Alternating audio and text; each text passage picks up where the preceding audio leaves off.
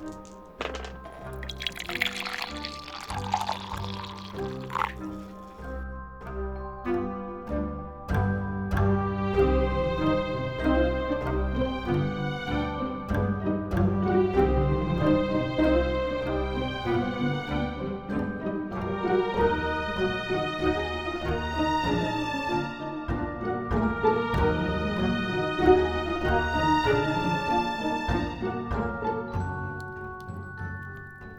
och välkomna till det nionde avsnittet av Rollspelsfika. Eh, Som vanligt är det jag, Daniel. Och jag, Fredrik. Och Peter. Hallå på er. Hej. Hogar. Ja, då är vi samlade igen. Vad gör vi här egentligen? Ja, Pratar och dricker kaffe. Pratar och dricker kaffe. vi eh, har ju eh, den här treenigheten, eller vad man ska kalla det, mest när vi kör actual play. Men idag så ska vi alltså eh, ha ett snackavsnitt. Men eh, anledningen till att vi har eh, bjudit in eh, Fredrik även nu är att vi ska snacka lite grann om vårt rollspelande. Den upplevelse vi har haft hittills kan man säga. Det var i alla fall min tanke. Ja, det låter bra. Ja. Nej men för så här. Eh, jag kan ju berätta bakgrunden till varför jag tänkte att vi skulle ha ett sånt här avsnitt. Och det grundar sig ju i att vi i tidigare snackavsnitt ofta kommer fram till det här att eh, snacka med din spelgrupp. Eh, är alltså jag. Ja, nej men i... Alltså när det uppstår, eh, vad ska man säga, friktion i spelgruppen så beror det ofta på att man inte har pratat med varandra. Utan man förutsätter olika saker om varandras spelande och det gemensamma spelandet som inte alltid stämmer överens. Kan det vara, Peter, att eh, till exempel nivå av ja, men intentionen? Hur, hur mycket, mycket... Vad vill man göra med spelandet? Vad vill, hur mycket tid vill man lägga på spelandet och, och liknande? Eller är det andra detaljer du tänker på? Nej, det är precis den typen av, eh, av grejer som, eh, som man bör prata om. Och ehm, jag, jag lyssnade på, på våra gamla avsnitt och, och sådär och så funderade jag på hur väl det stämmer överens med min, vad ska man säga, målbild. Um, och så tänkte jag att ja, det är några saker som jag skulle vilja förbättra uh, och försöka tajta till. Och det känns ju, alltså nu spelar vi ju in det här så att då blir det på något sätt extra tydligt. Och det är ju en himla tillgång också att kunna spela in sina spelmöten för att man ges ju en mycket större inblick i det man sysslar med när man kan lyssna på det efteråt. Man har ju också möjlighet att feedbacka sig själv på någon nivå.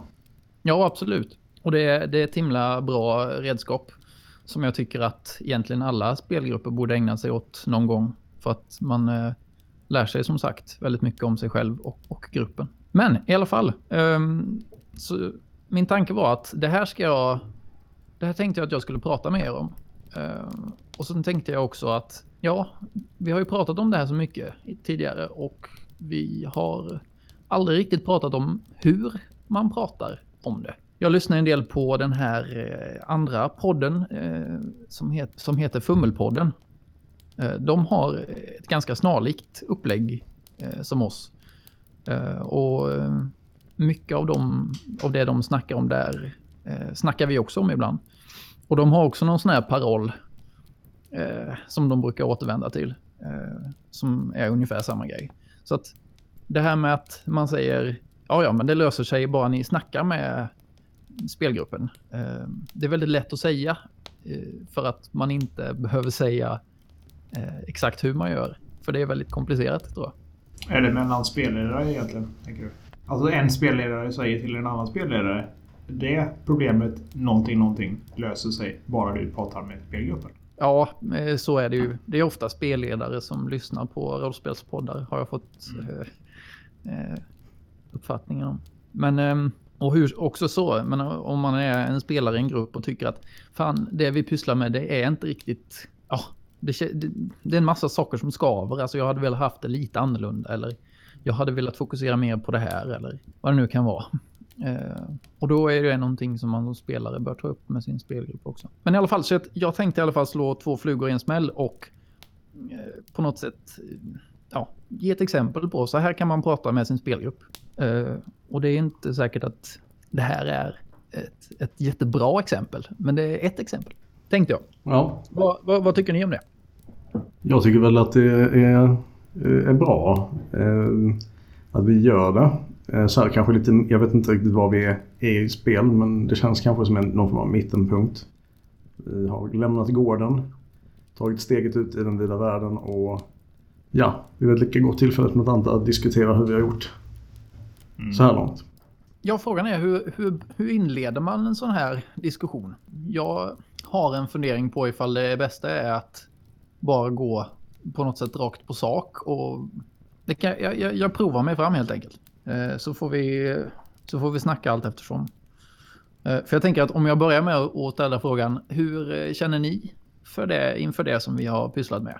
Så är risken att ni inte riktigt säger vad ni tycker och tänker för att ni är rädda att det är liksom är utanför eh, någon form av bekvämlighetszon. Men om jag ändå tänker eh, liksom pierca den bekvämlighetszonen så kan jag börja med att göra det. It on. ja, alright. Ja. Ehm, ja, nej men eh, jag har ju som sagt eh, lyssnat lite grann på eh, våra spelmöten eh, och våra, våra avsnitt och jag tycker väl kanske att det största problemet är att det känns lite eh, för ofokuserat. Eh, jag, jag hade velat haft ett lite större fokus och lite mindre, vad ska man säga, out of character flams eh, när vi väl är inne i scenerna. Är det, hur, hur, hur tänker ni kring det? En sak som jag funderar, eller märkt av, det är ju att i alla fall jag känner att jag kan ha svårt ibland att att, ha hela fullständiga bilden av hela ja, men med karaktärskartan. Vem är, vem är vem och vem är släkt med vem och att, att man är lätt att glömma sånt. Och, då, och då blir det, det är extremt svårare, mycket svårare tycker jag, att ha eh, flow om man ska försöka göra någonting och sen så helt plötsligt så inser man att ja men jag kommer fan inte ens ihåg vad den personen heter eller hur det var någonting satt ihop och då, då tappar man då tappar man eh, liksom magin lite grann. Ja, Så det, och, det, och det är ju naturligtvis så att, att eh, det är som allt annat om man, om man inte riktigt lägger ner så mycket tid som, som man egentligen önskar. Man kunde göra, skriva jättemycket anteckningar och man kunde lyssna in sig på. Vi har ju jättestor styrka i att vi har eh, spelat in allting innan liksom, så att vi kan lyssna i princip på hela, ja allting egentligen innan. Ehm, och det är lite så det som jag kom in på innan där med, med vilket vilken intention man har att spela. Att eh, ja, man har olika mycket tid och olika, kanske lite olika mycket vilja också liksom. ja det, det, det tror jag är väldigt... Eh, att det gäller även för, eh, ja, för alla spelgrupper egentligen. Att folk har olika, olika mycket vilja och olika ambition. Eh, och det varierar ju såklart. Nej men för, för det här med liksom, att komma ihåg saker och lägga saker på minnet och sådär. Det var också en sån sak som jag reflekterade lite över att det hade, det hade känts proffsigare också ur ett, liksom ett poddsynpunkt att hålla, ja, att hålla de här, liksom vad, hur var det nu, Mm. eh, till ett minimum. Eh, Så det kräver ju kräver ytterligare lite större ambition då. Inte bara att spela rollspel och komma ihåg storyn utan Nej. När man, när man också spelar in det så blir det ju på något sätt ytterligare en högre ambitionsnivå. Jag måste flika in där. För som, som när jag klipper avsnitten Mm. så, så tycker jag det är, faktiskt en, det är väldigt händigt att, att vi gör den här typen av ibland ganska snabba ne- ne- nedtramp i eh, historiken för att påminna oss vad som har hänt. Eh, Det är kanske när de blir väldigt långa som det, det känns onödigt men oftast eh, tycker jag inte att det är helt fel att, att ha en liten eh, eh, recap på Särskilt när det är lite längre mellan gångerna så är det ju rätt så. Och vi släpper ju inte så många avsnitt per, per månad heller. Det är ju ett avsnitt dryga. Nej, jag, jag håller med Fredrik lite grann att det, det som är problemet i första hand är ju att det hackar upp lite grann. Särskilt när det händer liksom inne i scenerna. Ja det kan man. Eh, så att jag, jag tror att jag tror att både jag som, som lyssnare, alltså så här, när jag, när jag lyssnar på vår podd så tänker jag på att jag hade velat haft mindre upphackat i scenerna. Och sen tror jag att det är nog den målbilden som jag har även i ja, när man spelar rollspel utan att spela in. Um, för det, det, ska man ju också ha lite i åtanke att det är ju inte samma sak att spela in en podd som att bara spela rollspel. Eh, för jag, ibland så tycker jag att Ja, jag kan tycka att ibland eh, vissa poddar har ju ett väldigt så här teaterfokus nästan. Att det ska vara mer som en radioteater än som rollspel. Och jag kan tycka att det är... Ja, det är en fin ambition och det, jag, jag kan uppskatta det för den saken. Men å andra sidan tycker jag att det ger en lite falsk bild av vad man egentligen upplever.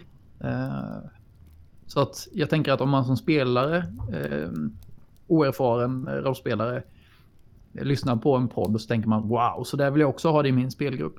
Så är det inte säkert att det faktiskt går att få det så.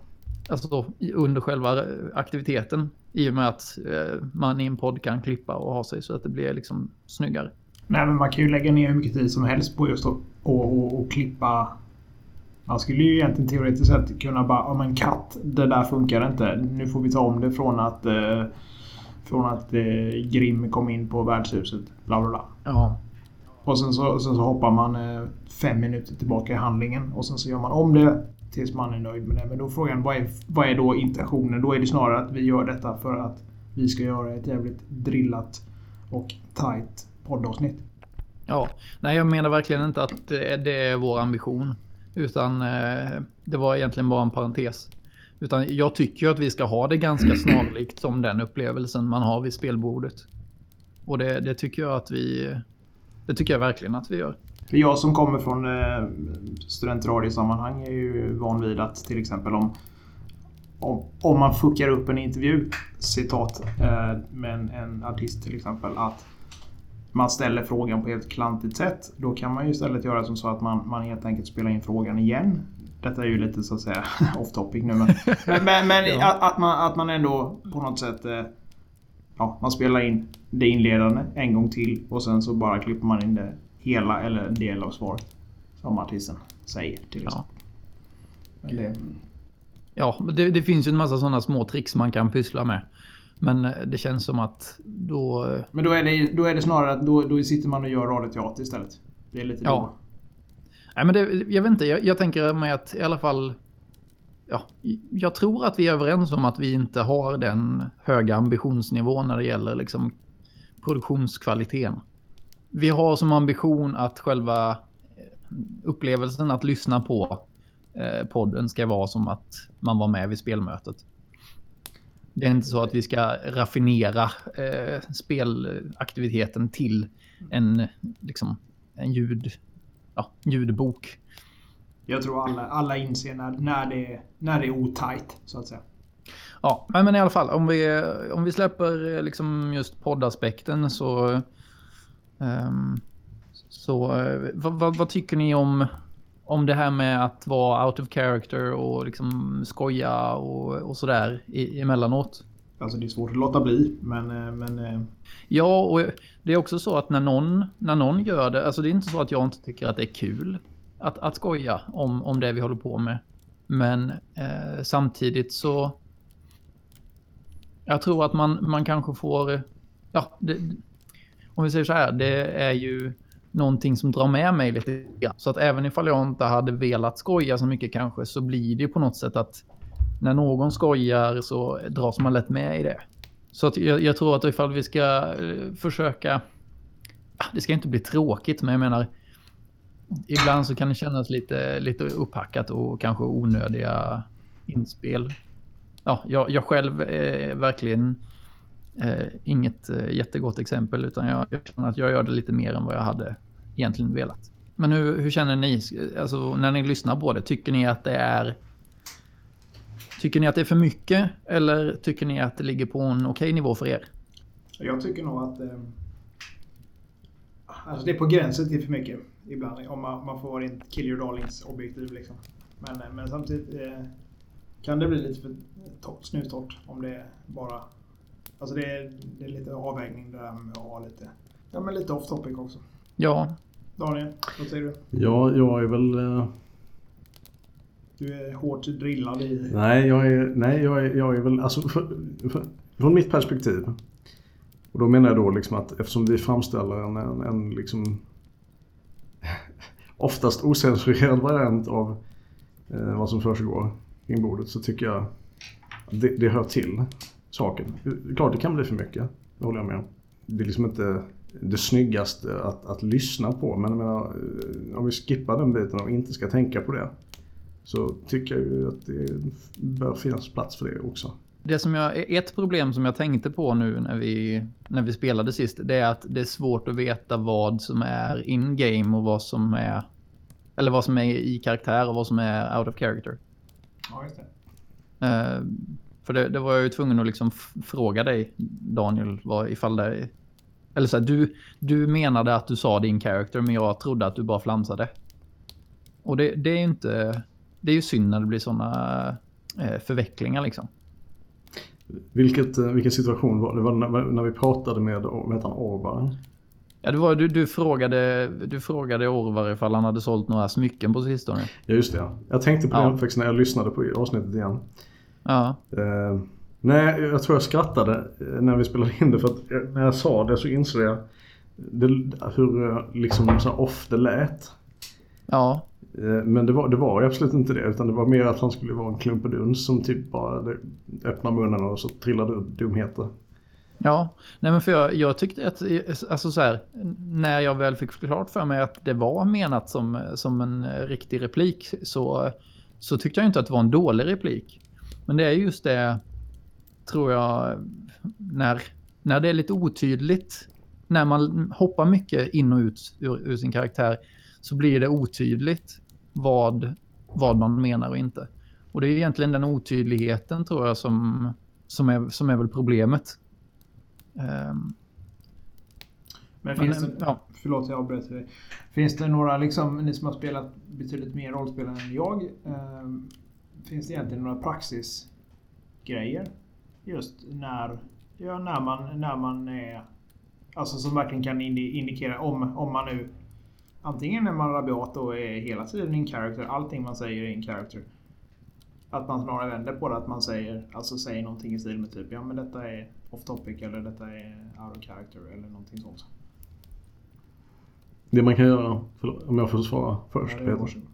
Absolut. Eh, Det är ju, alltså, när, man, när man sitter fysiskt tillsammans så kan man inte göra så här. Gör ett Hur gör du nu? Jag, jag formar T, T med händerna. Ja, just det. T. Det betyder off. T betyder off. Ja, nej, så det ska inte vara T.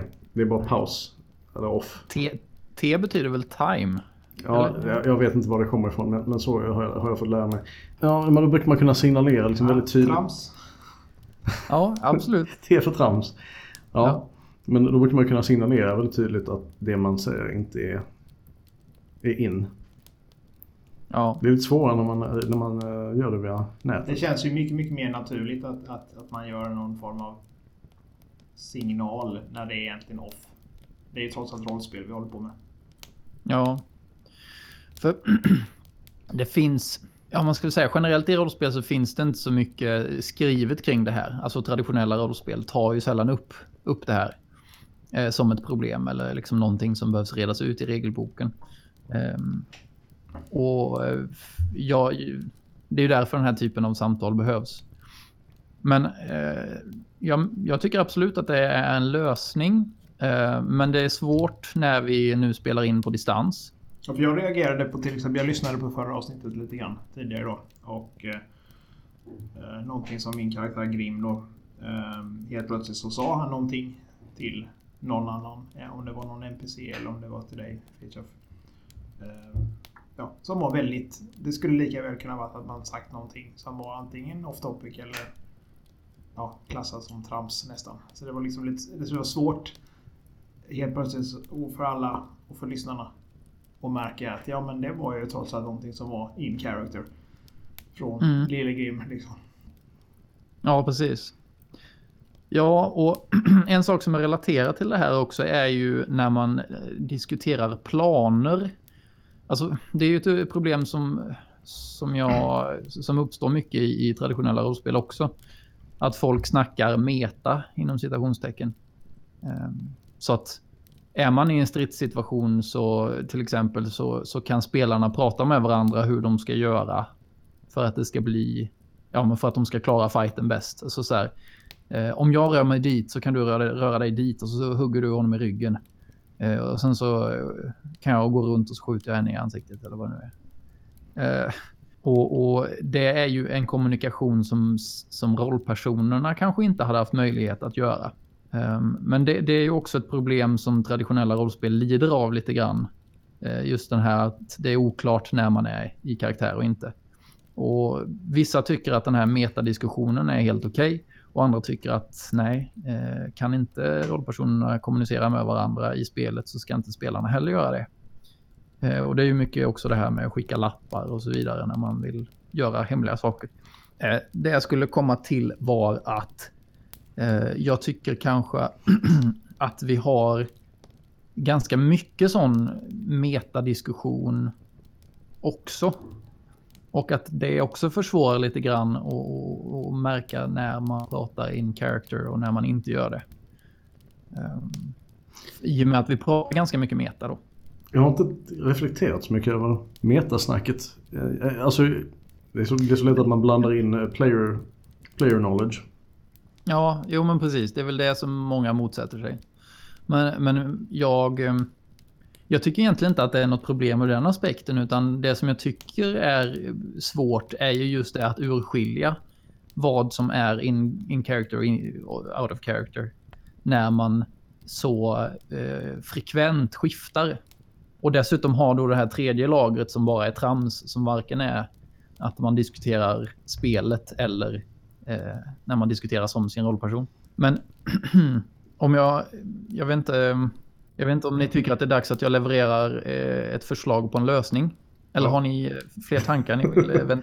Ja, men en sak jag tänkte på det är ju liksom det där med att verkligen försöka att spela sin karaktär utifrån de eh, personlighetsdrag och egenskaper som oavsett vilket spel det egentligen handlar om. Att ibland faller det lite på att det liksom... Ja, man, man, eh, man, skriver sin karaktär på ett eller annat sätt. Och sen blir det ändå att man spelar det på ett helt annat sätt. Alltså på något sätt att man... man men det tror jag kan vara en träningssak också. Liksom, att man verkligen, om man spelar en eh, superintrovert person så spelar man ändå inte den introvert på ett introvert sätt. Eller extrovert eller vad det nu kan vara. Liksom. Absolut. Det, jag tycker att det här är lite av en annan frågeställning så den är klart relaterad. Men skulle vi kunna diskutera den som nästa punkt? Det kan vi absolut göra. För jag, för jag tycker att det, det, är en jätteintressant grej också som jag, som jag tycker det, det bör vi också ta upp. Eh, men om jag får eh, leverera ett förslag på själva lösningen, det här med otydligheten. Ehm, just kring in character och off character. Ja.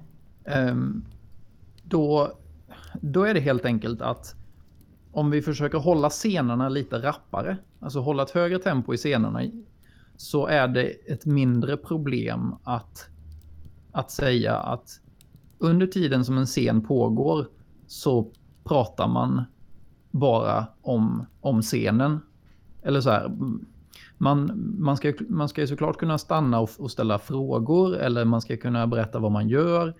Eller um, eller sådär. Men att man försöker hålla sig inne i scenen så att allt man säger är direkt relaterat till antingen någonting man säger eller någonting man gör eller någonting som rollpersonen funderar över.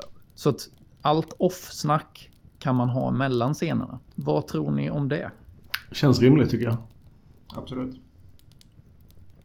Jag, jag tror att det... Ja, jag, jag, jag, tror att det kanske är... Ja, vi får prova helt enkelt och se hur det funkar. Men, och sen också det här metasnacket då som, som man som spelare känner att man behöver ha. Det tycker jag att man i så stor utsträckning som möjligt ska försöka hålla in game. Alltså om jag som spelare funderar över en sak eh, som gäller en annan karaktär eller den gemensamma gruppens eh, handlande så känns det ju också helt rimligt att rollpersonen funderar över samma sak. Och då kan man ju göra det som en del av spelet som också eh, på något sätt eh, ja, men gör, gör inlevelsen starkare ifall man har de här diskussionerna in character istället. Och det, det, tycker jag förvisso att ni gör en del. Alltså ni har många diskussioner in character. Eh, och jag tycker att det är bra. Så att jag tror att det är möjligt att hålla all sån metadiskussion kring hur man ska göra och så vidare in, in character. Alltså det tror jag absolut att vi kan... Alltså, om man lägger manken till får ett, får ett större fokus um, och, och sköta sånt in character. Samt om man lägger på pusselbiten också att, att uh, man har full koll kanske med ja, men det här med bakgrundsfakta på personer och platser och, och sånt. Så att man inte behöver lägga oj, viktig, viktig eh, hjärnkapacitet på att komma ihåg vad olika byar och eh, fastrar och mostrar heter. Liksom. Mm, precis. Ja, nej men sen, det är ju svårt också i och med att vi spelar på distans. Att alla måste ju på något sätt hålla, hålla sig själv med anteckningar och sådär. I och med att man inte kan liksom hjälpa varandra genom att dela anteckningar. Det blir lite mer problematiskt. Det slår mig ju att det finns ju absolut, eh, vi kan ju absolut dela anteckningar med varandra. Ja, det har, har du förvisso helt rätt. Det skulle vi kunna göra. Varför vi inte gjort det, det vet jag faktiskt inte. Det... Nej. Nej, men det, det, är väl kanske också en bra, eh, en bra grej att, att ta med sig. Vi, vi kanske ska, ska vi skriva en liten lista på saker som vi, eh, som vi kommer fram till här, eller? Det kan vi i och för sig göra efter spelmötet. Men hade vi haft den här diskussionen utan att spela in den så hade vi gjort en lista nu. Ja. Ja, vi tar det efter. Ja, men, men då har vi ju ändå en, en idé på eh, en lösning som vi kan prova och se ifall det förbättrar upplevelsen. För det, ja, det är ju det som är grejen nu lite grann. Att när, nu när vi pratar om det här och vi inser att ja, det är någonting som alla skulle kunna tänka sig och, och prova och, och förbättra. Så då är det ju... Ja, då är, finns det ju ingen friktion kvar. Då är det bara att experimentera och se ifall man kan göra det bättre. Vi kan även kasta ut frågan till er lyssnare också. Det finns ju alla möjligheter att, att, att kontakta oss med kommentarer och motsvarande vad ni tycker om de här spörsmålen som vi pratar om. Skriv en kommentar så eh, tar vi gärna emot det. Jag tycker det låter som ett väldigt bra initiativ. Alltså, eh, helt rätt fråga, fråga att ställa också. Det här, det här är också sådana frågor som många... Ja, man, man läser ju mycket på, på rollspelsforum och sådär. Det är ju väldigt vanligt att man har den här typen av, av frågor. Eh, eller så, att man har den här... Ja, att man funderar hur ska jag lösa det här med min spelgrupp? Eh, vi har en person som gör så här hela tiden. Hur kan jag få henne att eh, göra på ett annat sätt? Jag tror att det, det, det, är många som, som vill diskutera den här typen av frågor också och hitta lösningar. Ja, det, det, är svårt också, eh, tror jag. Jag tror delvis det är, det är en fråga av, alltså för, många som inte har, liksom, kanske, känner, kanske inte känner enormt mycket eh, rollspelande kompisar och bekanta, liksom, att man, eh, man vågar kanske inte ta den här diskussionen eh, för att man eh, kanske inte känner att man vill stöta sig med någon i gruppen. Nej, precis. Det är, liksom lätt, det är lättare att bara inte säga någonting och bara tuffa på. Som man alltid har gjort. Ja, och ibland så eh, känns det som att folk blåser upp de här konflikterna ja. jättemycket. Alltså nu, jag vet inte, folk målar ju upp eh, så här fullkomliga liksom, mardrömsbilder ibland. Eh, på ja, men spelledare som gör helt värdelösa saker som att typ döda folk tio minuter efter att de har skapat sina rollpersoner. Alltså moget. Ja, verkligen. Man bara, okej, okay, kul kompis. Uh, men uh, när, de, när de beskriver att de har helt olika spelstil och att ja, vi har inte kul och ja, jag vet inte hur jag ska göra. Det är, ingen som, det är ingen annan som vill spela på det sättet som jag vill och sådär. Jag råder ju ofta dem att eh, prova att spela med en annan spelgrupp. Alltså när jag ser den typen av frågor. Men å andra sidan är ju det sällan första steget om man inte har pratat om det innan. Upplever du Peter att det är vanligt att um, i en spelgrupp så kan det finnas ja, men att, att ett gäng eller någon vill antingen väldigt mycket syssla med, med dungeon crawling eller storytelling. Alltså så att säga att det kan, kan, eh, kan diffa väldigt, väldigt mycket på just spelarstil på det sättet. Ja. Eller, eller, eller spelledare versus eh, enskilda spelare. Ja. Eh, nu har ju ni båda min bok Fornsaga. Och i spelledarsektionen där så tar jag upp precis det. Um, och en annan sak som jag tänkte på nu också är att jag skriver ju i, i boken att eh, innan första spelmötet ta och prata om vad ni har för förväntningar på rollspelet och vad ni, vad ni vill göra. Och det har ju inte vi gjort. Insåg jag nu i efterhand. Vi har spelat eh, innan. Ja, vi har spelat innan, men det betyder ju inte att man inte kan ha de här diskussionerna fler gånger. Alltså uppenbarligen så finns det en poäng med att återkomma till de här frågorna. Det finns ju många olika sätt att spela rollspel på. Och ja, det är inte alltid som alla i gruppen har samma preferenser. Eller det är rättare sagt ganska sällan. Så att... Um... Jag kan ju villigt erkänna att... Um, alltså innan jag började spela rollspel med dig Peter, vilket är ett par, tre år sedan. Ja. Så har jag inte spelat, eller spelat rollspel egentligen sen, sen jag spelade ja, men Call of Cthulhu på gymnasiet ungefär. Vilket är ju 125 år sedan ungefär. Så um, jag har i princip inte spelat Dungeon Crawling överhuvudtaget i modern tid. Liksom. Vilket är ju nästan lite tråkigt. ja, men betyder det att, att, att det är någonting som du hade velat göra? Ja, hade nog velat prova på det lite grann. Sen tycker jag det är kul att spela storytelling också. Jag tycker i och för sig inte det behöver...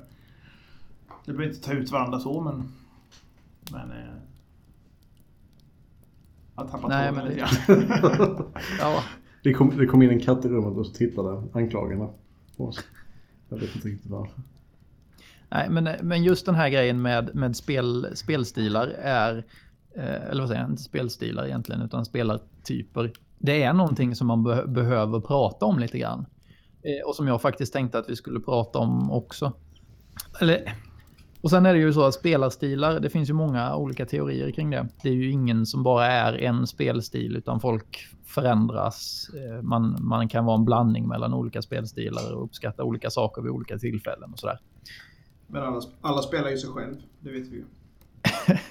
ja, det är ju någonting som man inser titt som tätt. Ja, men alltså det kan, det kan låta det kan låta tramsigt och, och så fjantigt men, men eh, vi har ju sett det ganska många gånger. Och många, ja. många, många spelare vi har spelat med, det är åtminstone delvis drag från dem själva.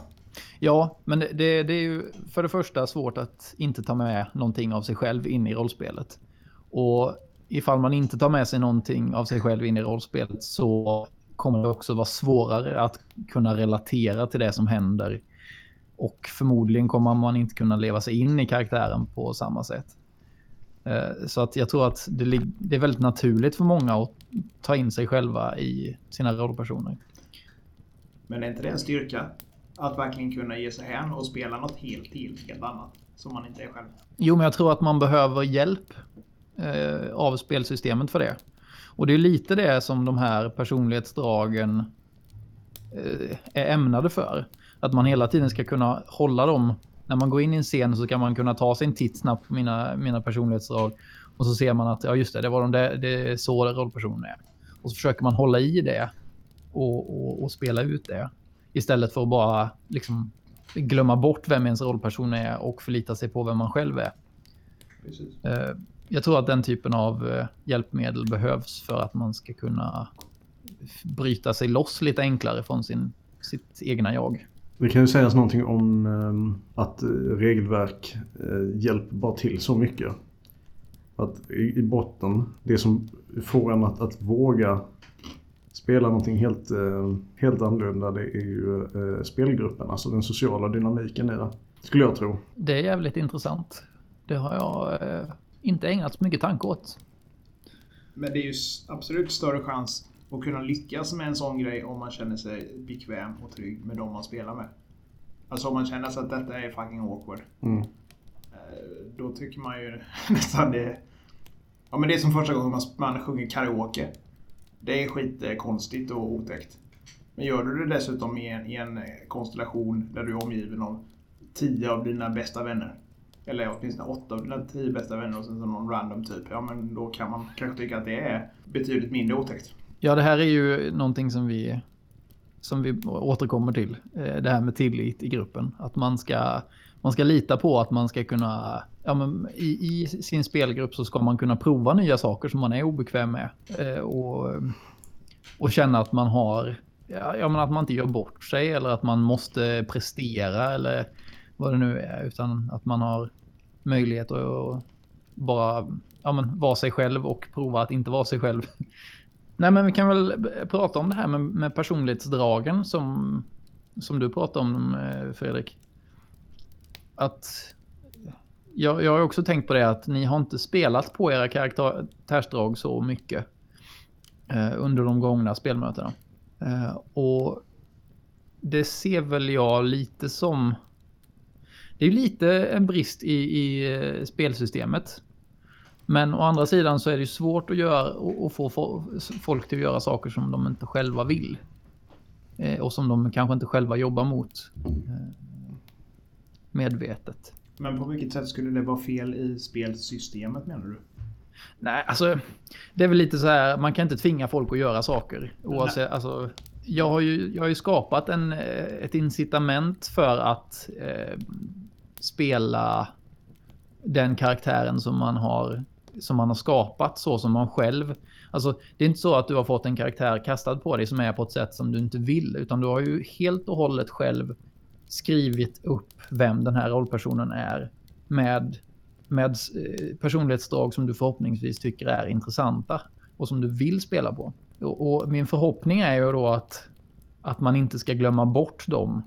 Eller så, det, det är väl kanske lite där det faller att de är inte tillräckligt närvarande genom, under spelmötet. Nej, nej, jag menar inte att... För det tror jag det kan falla på. Att karaktären kanske inte är fullt så genomtänkt. Direkt, faktiskt. Att det kan vara som så att man kanske borde stöta och blöta sin karaktär några varv i huvudet först. En gång till innan man, så att säga, äh, sätter den på pränt helt och hållet hur vill jag nu? Hur, hur, hur är det nu egentligen med, med Grim?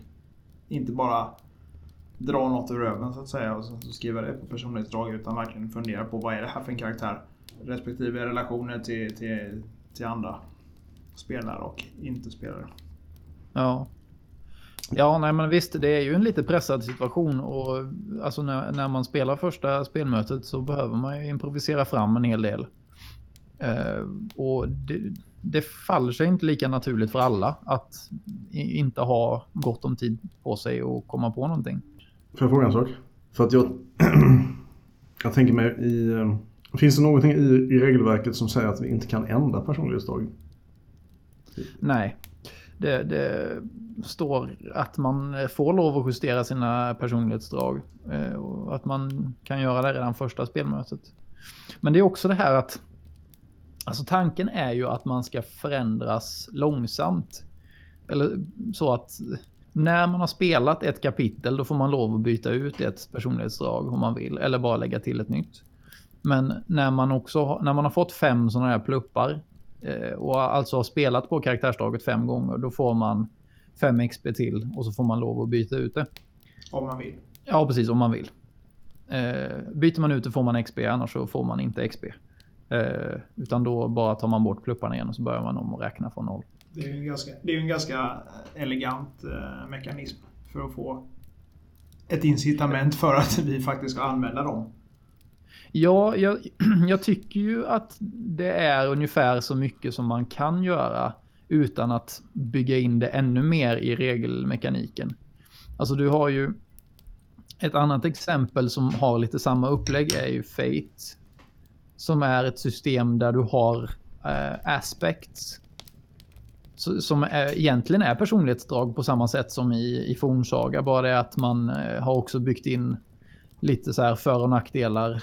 Eh, rent, alltså, rent fysiskt eller så. Alltså där, där, där har man inte egenskaper på samma sätt. Ja, man skulle kunna säga att man, eh, om man inkluderar beskrivningarna i personlighetsdrag så får man det som är aspekter i Fate. Eh, men där använder man de aspekterna hela tiden under tiden man spelar. Så att eh, i en scen så kan spelledaren säga att ja, nu, nu försöker du eh, charma den här, den här personen. Eh, men eftersom att du, du, ja, du eh, är inte född med talets gåva precis. Du är född, ja, jag vet inte, du, jag vet inte vad det skulle kunna vara, men alltså någonting som är en, en stor nackdel när det kommer till att prata med folk eller vara charmig. Så kan man säga att ja, men du har ju det där eh, personlighetsdraget att du eh, är rädd för att titta folk i ögonen. Kanske. Eh, så därför så kommer du misslyckas med det här, eller hur? Ställer man frågan. Och då får spelaren själv välja ifall den, ifall den vill välja att misslyckas med det. Och då kan den säga att ja, jag misslyckas. Och då får den en, eh, en marker som den sen kan använda för att lyckas med någonting någon annan gång. För att komma tillbaka till, till, ehm, till mekaniken i, Ja, ja. i Fornsaga. Mm. Så eh, föreställ, tänker mig bara att, för att jag tänker när man, när man startar sin karaktär så har man kanske ett väldigt, en väldigt ytlig förståelse för hur den personen kommer att utvecklas under spel. Eh, Jag Ja, absolut. det känns ju som, liksom med det i åtanke, känns det ju rimligt på något sätt att man kan eh, eh, liksom i alla fall få, ska vi säga, en gratis pass på att byta ut sina karaktärsdrag eller sin personlighet. sina. Ja, man får en gratis pass eh, på första spelmötet. Jag, tror, jag tänkte inte att det skulle behövas mer. Eh, men alltså, jag menar, det är ju fritt fram för spel. Alltså, det är ju alltid så här. Ifall du sitter och inser att fan, nu har jag ett personlighetsdrag här som är helt fel. Alltså det var... Jag, jag har insett att det inte alls det som jag, som jag vill ha. Då, då skulle jag ju som spelledare aldrig säga nej till att du fick lov att ändra det. För att, jag menar, vi spelar för att ha kul. Det, reglerna är bara sekundära. Så att det är absolut inget problem att ändra det eh, i efterhand. Men, men poängen med att cementera eh, de personlighetsdragen är ju att du ska få en, en eh, karaktär som handlar ganska konsekvent. Eh, fram tills dess att den förändras. Men jag säger ju också till exempel det här med arketypen att det, det, en arketyp är, någon, det är en social förväntning som folk förväntar sig av dig men som du egentligen inte alls behöver vara. Och då kan det vara så att man sitter där med det personlighetsdraget och aldrig spelar på det för att det är, det är helt enkelt inte den personen som man är.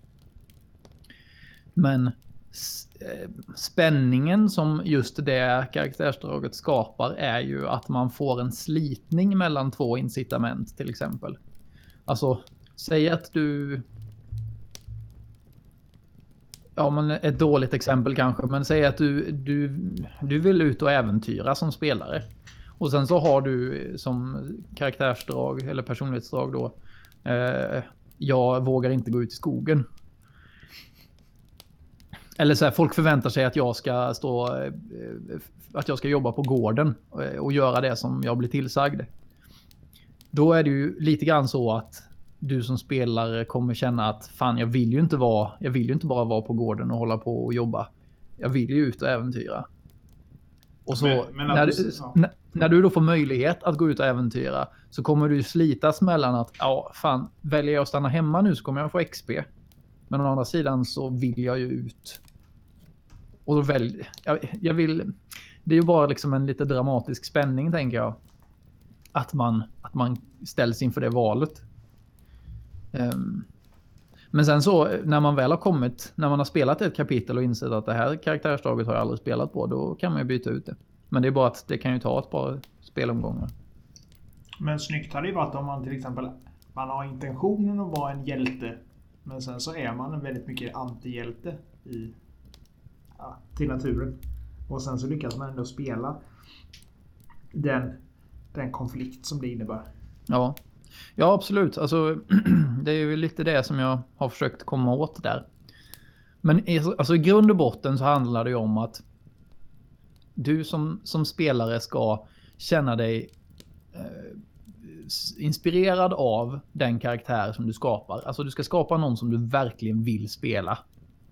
Och som du, du är intresserad av att utforska hur, ja, men hur den agerar i de situationer som den ställs inför. Och ifall man... ifall man då inte riktigt lyckas med det, alltså om man, om man, om man efteråt känner att fan jag, hade inte, jag kände mig inte så inspirerad idag, alltså, jag kommer inte på några bra grejer. Då kan det ju vara så att man sitter där med, med en karaktär som man inte är så himla sugen på att spela egentligen. Och då vill jag ju att det ska finnas möjligheter att ändra så att man blir inspirerad av att spela igen. Såklart. För det kan man, om man tänker tillbaka till de olika karaktärer som man har spelat. Så är det ju vissa som man har känt mycket, mycket mer för liksom. Så kommer det ju säkert alltid vara. Eller framförallt en del som man har känt betydligt mindre för. En del kanske liksom är karaktär, ah, det är ganska mjäkigt. Liksom. Eller man, man har inte liksom drivet riktigt. Mm. Kan vi eh, Alltså för det, det är ju... Det, det, jag menar, det, det är intressant. Eh, och jag tror att det ligger mycket i den, eh, i den frågeställningen.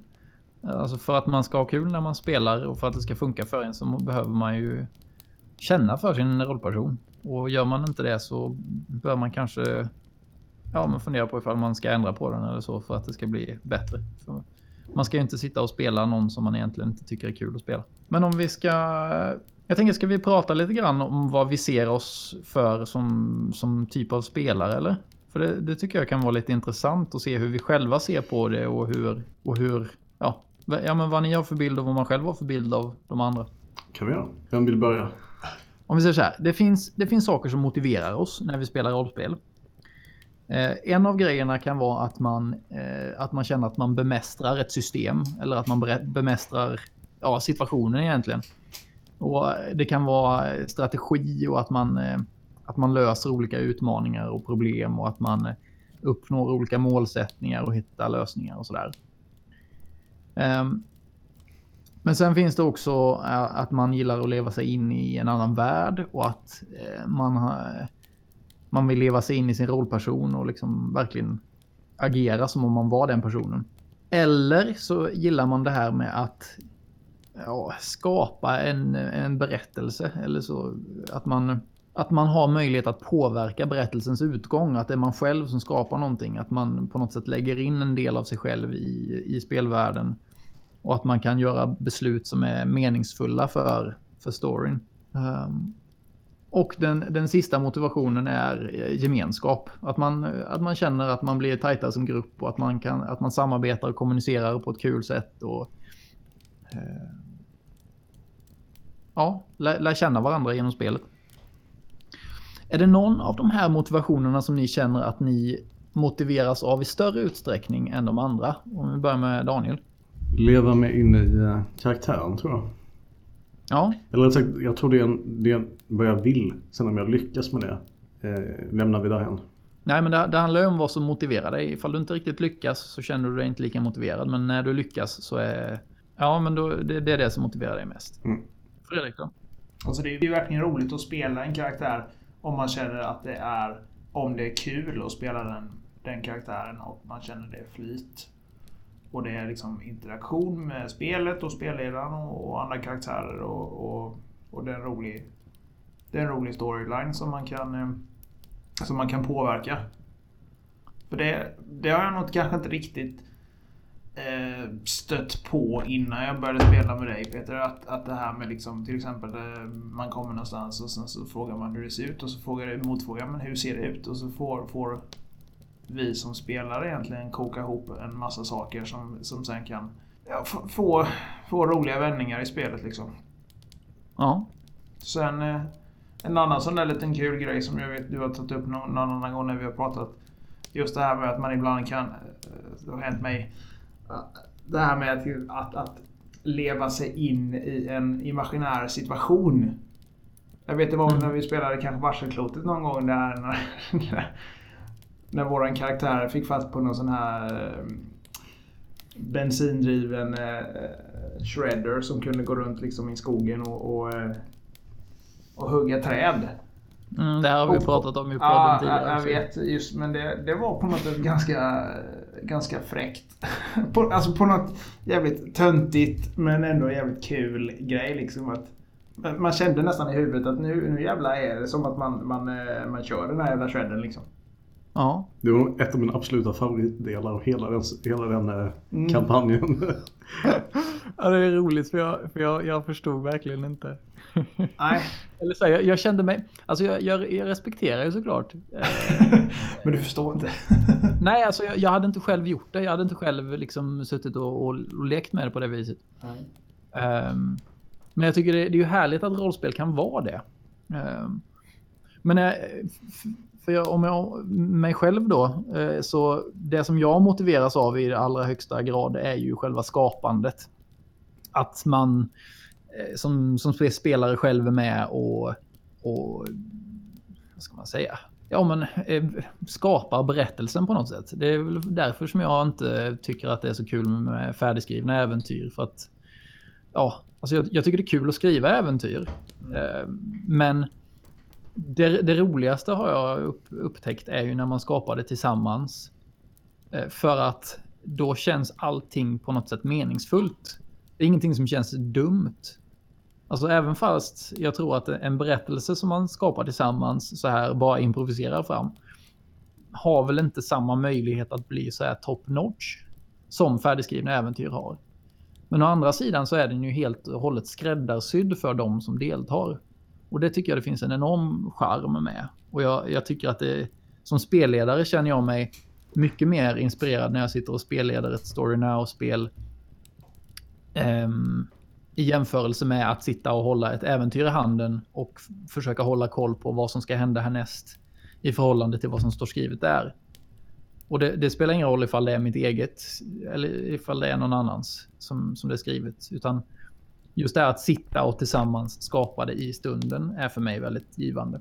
Men bedömer ni att, att gamla tiders rollspelare hade, hade låg eller ingen möjlighet att påverka lika mycket av, av flavorgrejer som vi gör? Eh, Alltså det, det- om, vi, om vi ska säga, om vi bara ska bunta ihop allt det rollspelandet som har skett på, ja men före 2000-talet nästan. Eh, Så, så är ju det traditionellt rollspel. Eh, Där spelledaren, ja, där man har, ja men the golden rule, alltså ifall, ifall, eh, vad fan är det? nu har jag glömt vad det, vad det egentligen står för. Men alltså spelledaren har rätt. Och i det fallet som spelledaren inte har rätt så har spelledaren ändå rätt. Eh, typ så. Och jag tycker det, det är en ganska osympatisk eh, hållning. Men alltså den funkar ju väldigt bra för att få aktiviteten att fungera. Det är ett väldigt eh, solitt sätt. Det är också en intressant eh, frågeställning. Men om, om vi bara tittar på våra spelartyper här nu. Så är ju... Eh, alltså så här, ni motiveras li- av lite an... Eller ni motiveras i större utsträckning av någonting annat eh, än, än mig. Och, och det är ju egentligen bra att det är så. För att jag som spelledare måste ju anpassa mig efter er. Eh, men det, det är ju inte helt, vad ska man säga, friktionsfritt. Alltså för att jag kommer ju alltid vilja pitcha in saker som jag tycker är intressanta och som och sådär. Men å andra sidan, eh, eh, och det är inte alltid att det stämmer överens med det som ni tycker är intressant. Men det är ju bra att jag är spelledare för att då är det på något sätt, ja, men det är min skyldighet att liksom anpassa mig lite grann. Eh, Så att jag, jag tror att det är inte helt, eh, det, det, det, funkar nog. Och, och jag tycker ju att det funkar hittills också. Men har ni varit med om några, några spel där det har varit här otroliga fuck-ups i form av att, att det är helt olika inom, inom gruppen eller det var gruppen versus spelledaren? Har du några exempel på det? Ja, alltså jag har inte jättemycket. Framförallt har jag inte pratat så mycket om det här tidigare med folk som jag har spelat med. Och, så att jag har ju egentligen bara mina egna, mina egna vad ska man säga, observationer att gå på när det kommer till det här. För att jag, jag re, reflekterade ju över det till exempel när ni hade den här scenen med, med den här robotmaskinen som ni lekte med. Att det här, här är det väldigt tydligt att vi eh, att vi tycker att olika saker är kul. Men sen har vi ju mycket som vi, alltså många saker som vi uppskattar gemensamt också. Eh, Så att det, Det ska ju tilläggas att vi inte alltid eh, leker med imaginära eh, tekniska saker. Nej, Utan, Nej men alltså ju- ju- just det att, att det, var, det var så uppenbart att ni gillade det. Och att jag inte kunde förstå det som, som, som jag liksom ja, noterade då.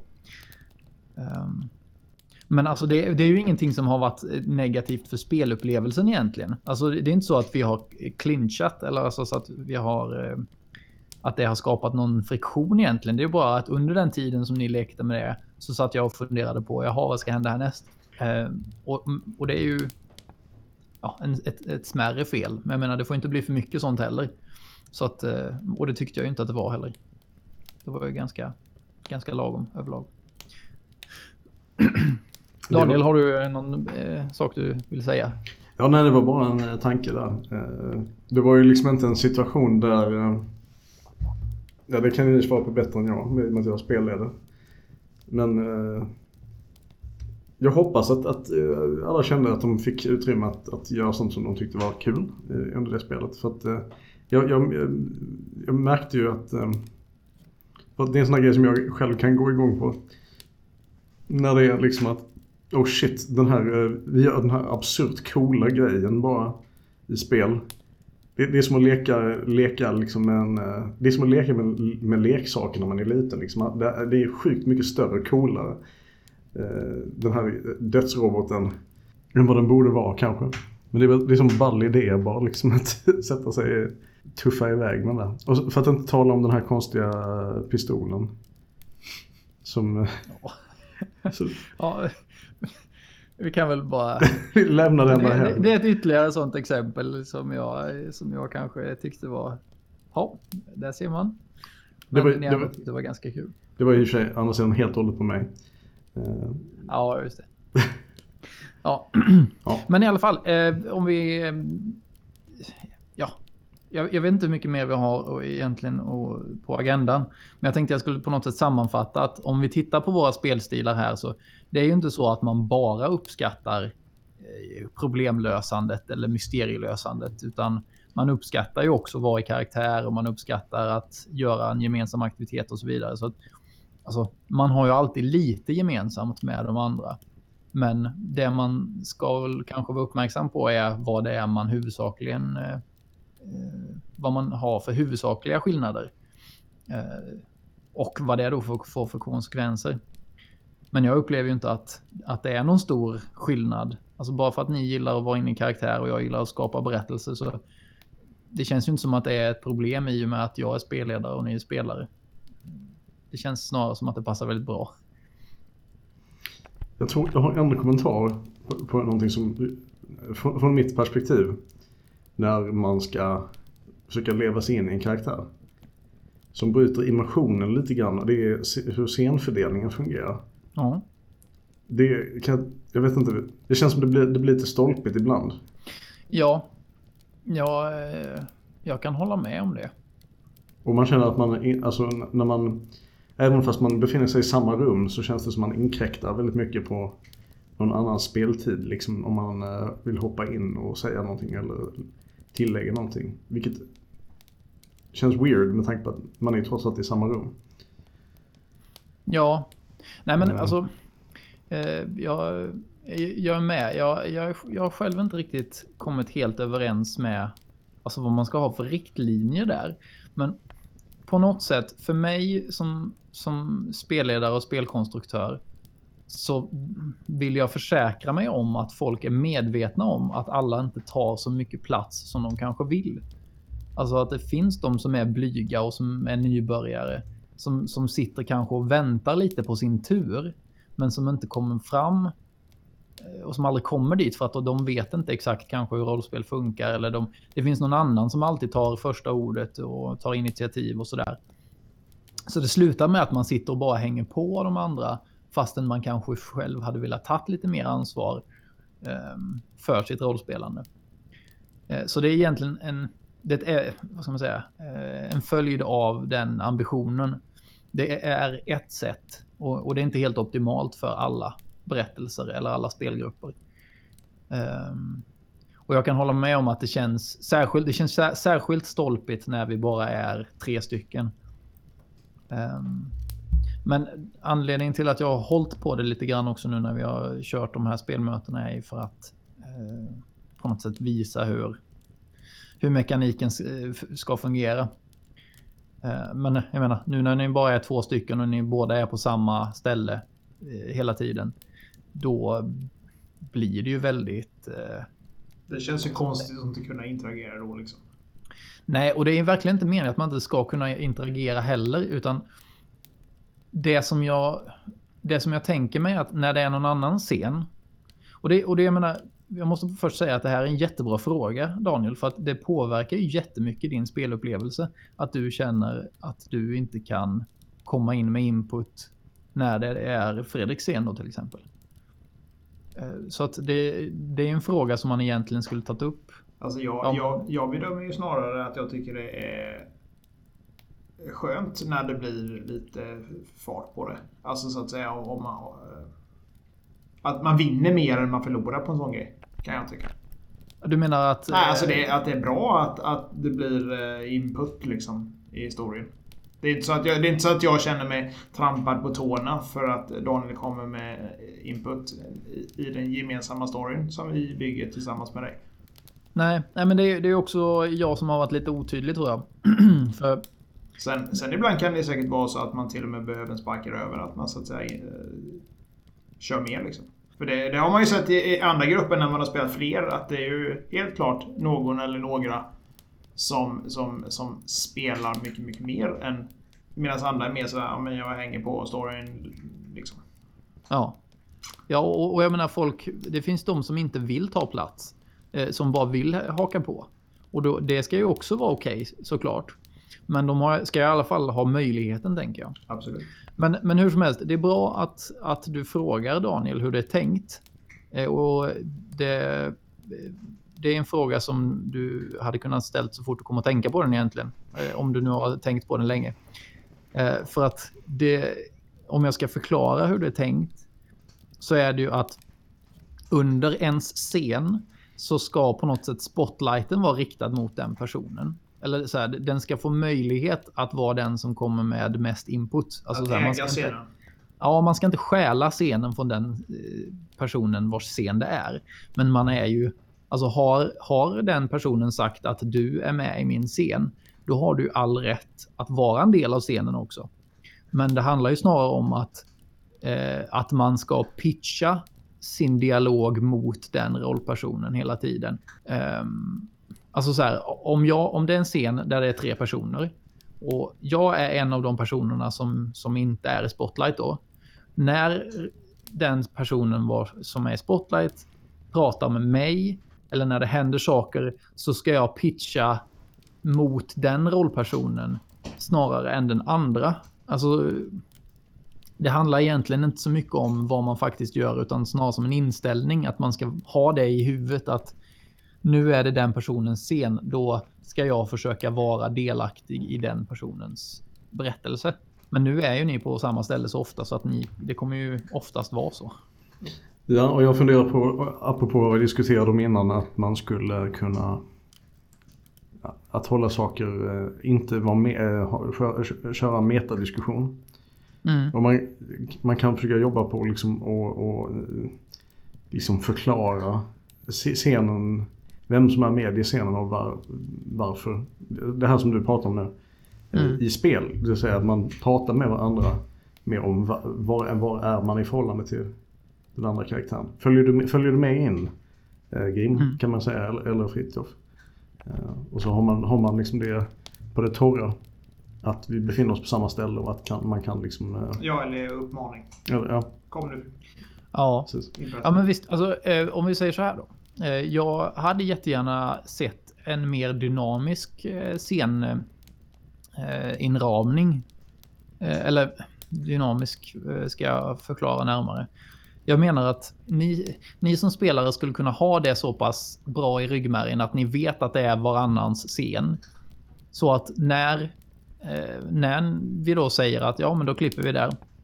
Då vet ni om att det är jag som har, ifall det då var den andra personen så är det, nu är det jag som har min scen. Och att man... Eh, ja, men precis. Och att jag, jag, jag som spelare där behöver ju inte fråga så här var, när och eh, vem. Alltså de här tre frågorna som man behöver inkludera i sin, eh, i sin, i sin sceninitiering. Utan man, man känner, man, man vet det själv. Så att när det då, efter att jag har sagt eller att någon annan har sagt att där kan vi klippa. Så säger man, ja då, har, då tänker jag att jag har nästa scen tillsammans med eh, den personen där. Eh, strax därefter. Och sen så har man den här lilla eh, berättande delen. Där man säger att, eh, ja men, eh, ja men där man på något sätt målar upp scenen lite grann. Eh, och jag tror att det är lite stimulerande också att få den chansen att själv måla upp berättelsen. För att, jag menar, ni ser ju saker framför er. Och särskilt då de scenerna som man själv initierar tänker jag att den personen har en ganska bra bild av hur det skulle kunna se ut. Så att ni får jättegärna ta mer ansvar där. Ehm, och vi behöver inte ha en lika strikt uppdelning egentligen. Det, det är lite vad ni, hur ni känner. Jo, men det är, det är värt att lägga på minnet till, eh, till nästa spelmöte i så fall. Alright, jag känner att jag har fått svar på min, mitt spörsmål här. Ja, men det var en superbra fråga för jag menar det är sånt som påverkar i princip varje, varje sekund som vi spelar. Så att det, det är en jättebra fråga. Jag har en, en, en fråga. eh, som är lite relaterad till det här med spelartyper och sådär. Men eh, den lyder så här. Vad, vilken berättelseinriktning är ni mest sugna på? Om vi tar de tre stora kategorierna äventyr, mysterium och drama. Daniel, du kan börja om du vill. Ja, med tanke på hur vi har spelat hittills så känns det ju som ett mysterium. Ja. Det skulle jag nog spontant säga också att det hade varit kul att prova. Det var rätt länge sedan sist. Ja. Så att vi, eh, det känns inte som vi, vi bäddar inte för någon sån här episk, eh, inte i det här kapitlet i alla fall. Det är inte den här äventyr, eh, liksom ut och hitta trollets guld utan det är mysterien, mysteriet med den borttappade modern. Mm. Ja, men jag, jag håller med er. Eh, jag, jag, jag håller med om att det är det som vi, som vi pysslar med i, i stor utsträckning. Det stämmer ganska bra överens med det sättet som vi spelar på.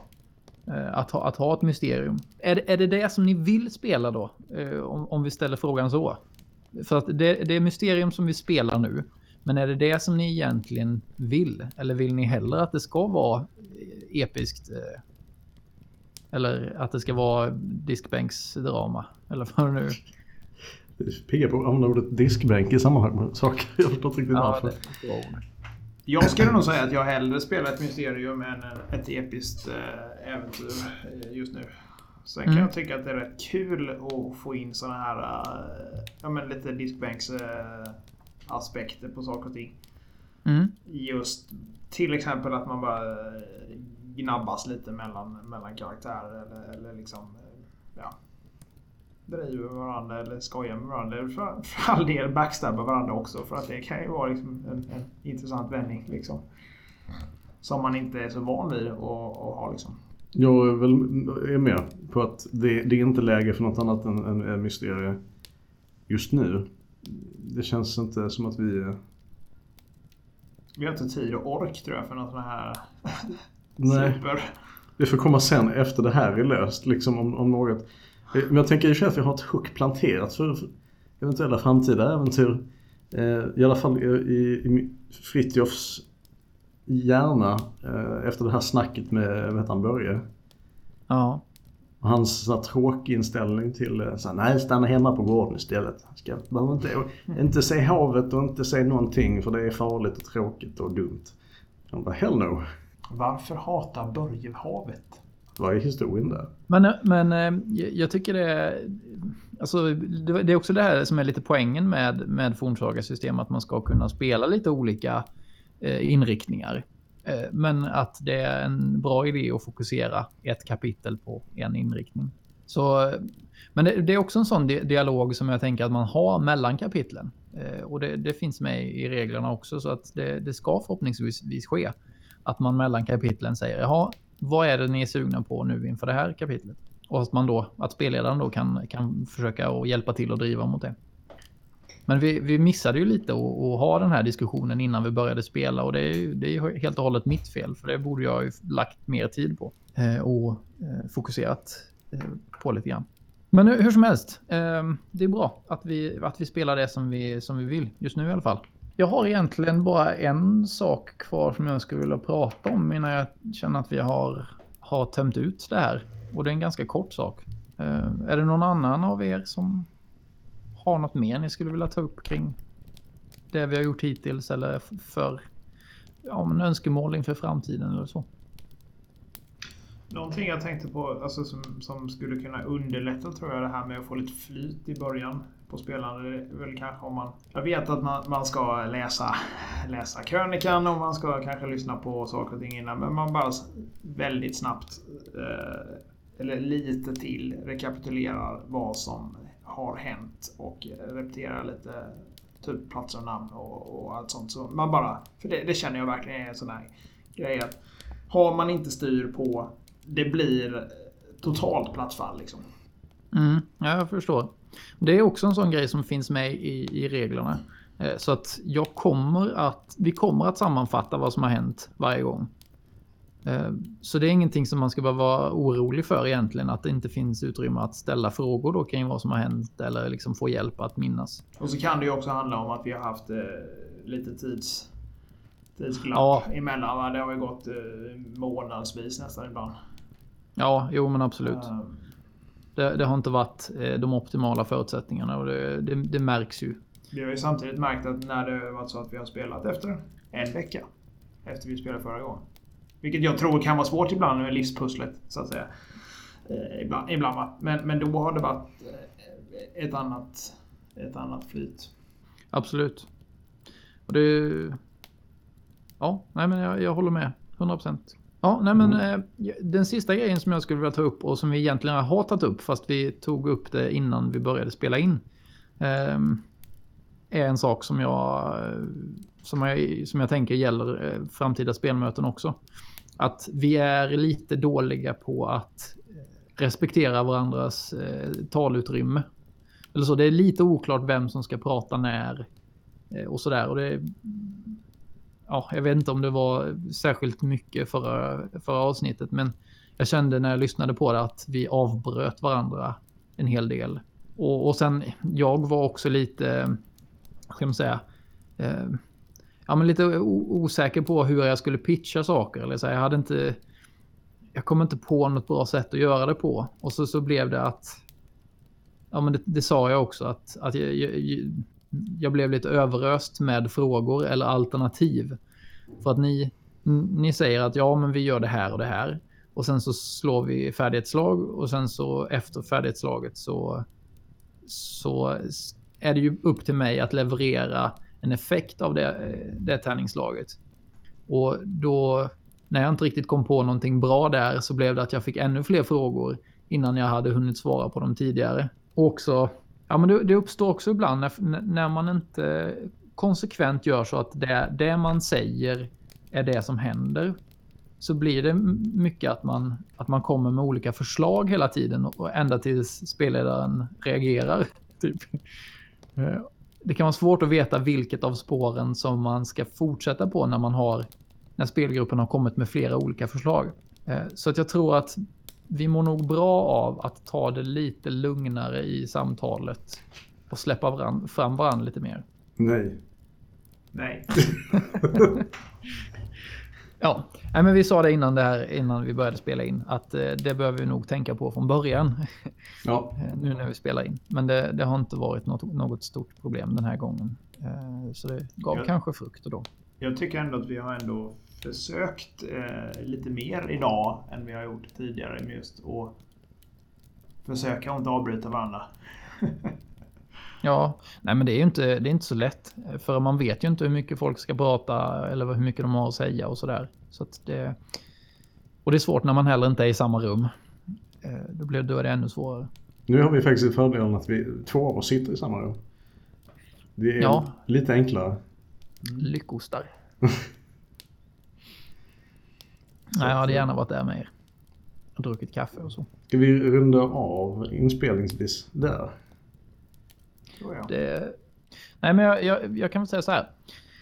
Eh, jag hoppas att eh, den här dialogen som vi har haft nu ikväll har eh, ja, framförallt att den ger frukt inför kommande spelmöten som vi har, men att den också fungerar lite som eh, ja, men ett exempel på hur man kan prata om rollspelsaktiviteten.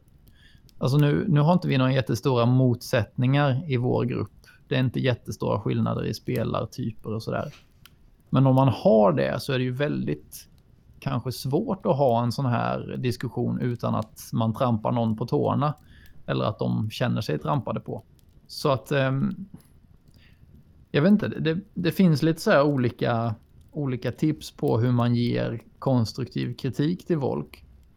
Och ifall man har en spelgrupp där det, där det är väldigt eh, stora, eh, vad ska man säga, ja, men där, där man upplever att det finns ett stort problem.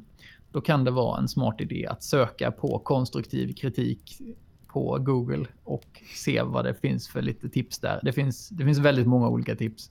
Eh, men det är i alla fall, jag, jag kollade lite nu innan vi hade det här, innan man har det här samtalet. Som man kan ha nytta av i verkliga livet. Precis, det är ju det vi egentligen använder eh, rollspel till. Det är ju eh, att träna oss inför verkliga situationer sen. Vi lajvar livet alltså. Ja visst. Så nu när jag har tränat upp min eh, närkamp till fem, då kan jag gå ut och spöa upp våldsverkare och tjuvar. Allt vad jag kan. Ja. Nej, nej, det är inte så. Det är alltså inte så det funkar. En, ett, ett, sista word of advice är ju att efter att man har haft det här samtalet så bör man ha ett liknande samtal lite, lite senare för att följa upp. Eh, och se ifall man tycker att det har blivit bättre och, eh, och sådär. Jag kan tycka att det var rätt så minst lika givande att prata om sådana grejer än att spela också. Så att, eh. Absolut. Hörni, eh, tack för det här samtalet. Det var, det var skönt att det, det var, det kändes i alla fall för mig väldigt konstruktivt. Mm. Ja, det tyckte jag också. Och återigen vill vi poängtera att vi vill hemskt gärna höra vad ni tycker. Så eh, kontakta oss på eh, roliga sätt. Vilka är roliga sätt, Daniel? Du som är roliga sätt. webbansvarig. roliga sätt kan involvera att kontakta oss via, man kan skriva kommentarer på vår Soundcloud-sida. Man kan skriva kommentarer på vår Facebook-sida.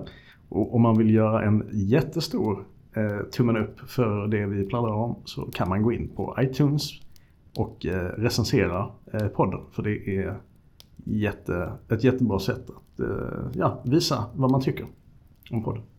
Jag tror man kan recensera på Facebook också väl? Det kan man också göra. Mm. Ja men det... Jag ja men absolut. Jag hade ju hoppats på eh, mail och fax och sånt också. Telefax. Ja, man ja. kan skicka på, med snigelposten. Man kan skicka e-mail också om man vill göra det nu med. Eh, till eh, rollspelsfika gmail.com. Ah. Är det sant? Har du fixat det? Ja minsann. Minsann. Fint. Vi ligger i, vi ligger i tiden. Vi ligger i framkant. Ja, visst. Hörrni, stort tack för att ni var med ikväll och tack till er som lyssnar. Tack själv och godnatt. Godnatt. godnatt.